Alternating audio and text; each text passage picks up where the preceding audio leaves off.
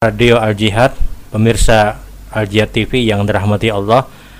Kembali pada kesempatan hari ini insya Allah kita akan menjawab pertanyaan yang sudah dihadirkan. Assalamualaikum warahmatullahi wabarakatuh. Waalaikumsalam warahmatullahi wabarakatuh. Ustadz, kenapa para nabi, khususnya Nabi Muhammad Sallallahu Alaihi Wasallam, adalah nabi yang banyak beristighfar kepada Allah? Padahal kita tahu bahwasanya Nabi Muhammad Sallallahu Alaihi Wasallam adalah Rasul yang sudah diampuni dosanya. Kenapa Rasulullah tetap beristighfar kepada Allah Subhanahu Wa Taala? Mohon penjelasannya. Uh, Ikhwanu rahimakumullah. Rasul atau Nabi Muhammad Sallallahu Alaihi Wasallam dalam banyak hadis beliau adalah orang yang banyak beristighfar.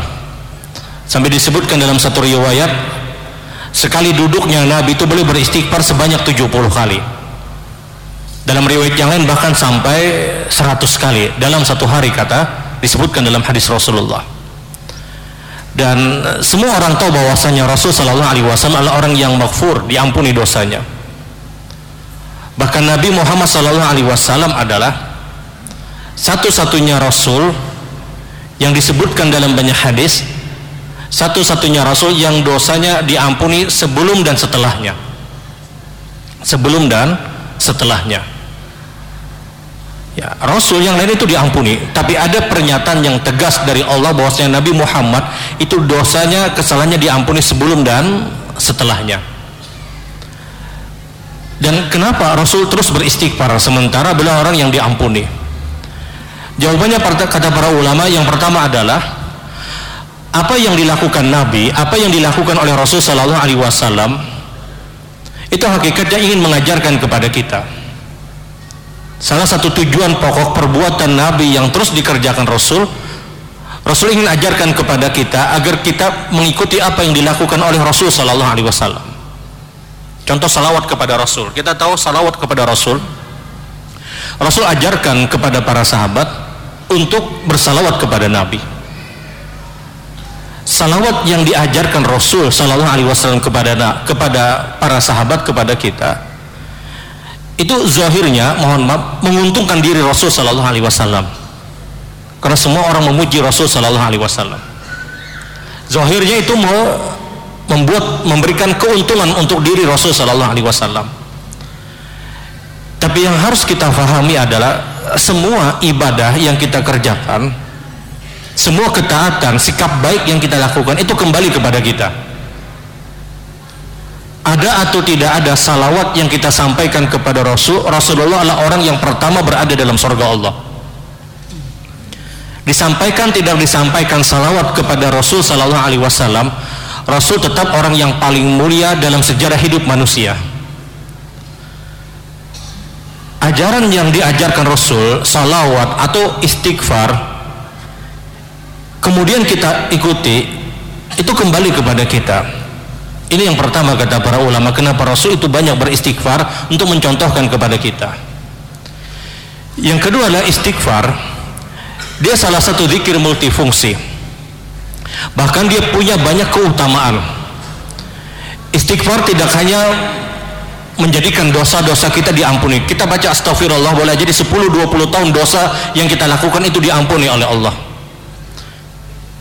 Ketika orang itu beristighfar itu tidak hanya meruntuhkan dosa, dia yumatiku mataan hasanah kata Allah. Orang yang istighfar itu bisa menjadikan hidupnya nyaman, hidupnya tenang. Orang yang istighfar kata Allah, yazidkum kuwatan ila kuwatikum. Allah berikan kekuatan untuk kalian karena istighfar itu eh, zikir multifungsi.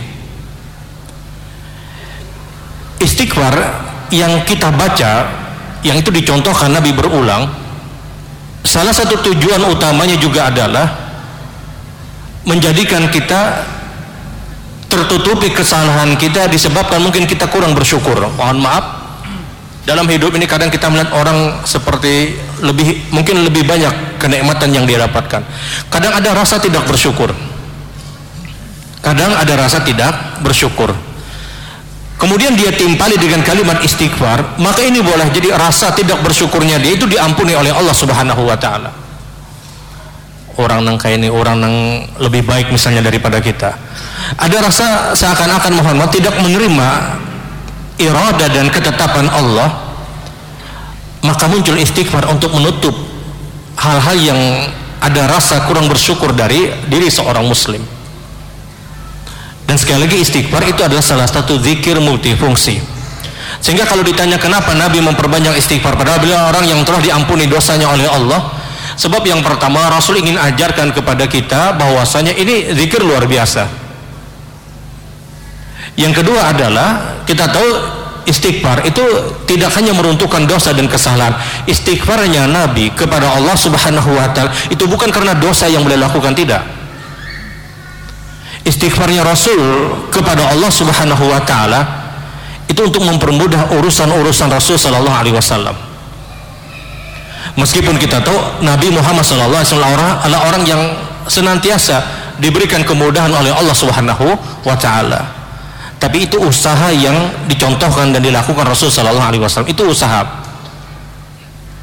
Ulun contohkan ketika Nabi diperintahkan hijrah oleh Allah Subhanahu Wa Taala dari Mekah menuju Yasrib menuju kota Madinah ini perintah Allah jelas namun apa yang dilakukan Nabi Sallallahu Alaihi Wasallam beliau mempersiapkan semua persiapan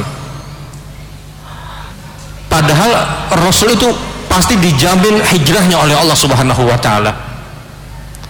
Rasul persiapkan dengan tunggangan-tunggangan terbaik. Rasul kemudian mengambil jalan yang berbeda daripada jalan-jalan yang biasa. Rasul harus bermalam di Gua Thur selama tiga malam.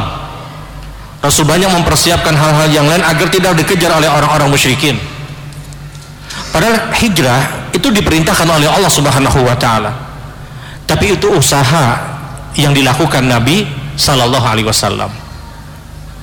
Nah istighfar kita tahu Rasulullah adalah orang yang tidak berdosa. Beliau istighfar kenapa? Beliau beliau ingin mengambil sebab bahwasanya agar dimudahkan segala urusan-urusan Rasul sallallahu alaihi wasallam. Jadi Nabi itu banyak istighfar tidak karena dosa yang beliau lakukan tidak. Dosa beliau diampuni. Tapi beliau mengambil hikmah-hikmah dari istighfar-istighfar yang lainnya wallahu alam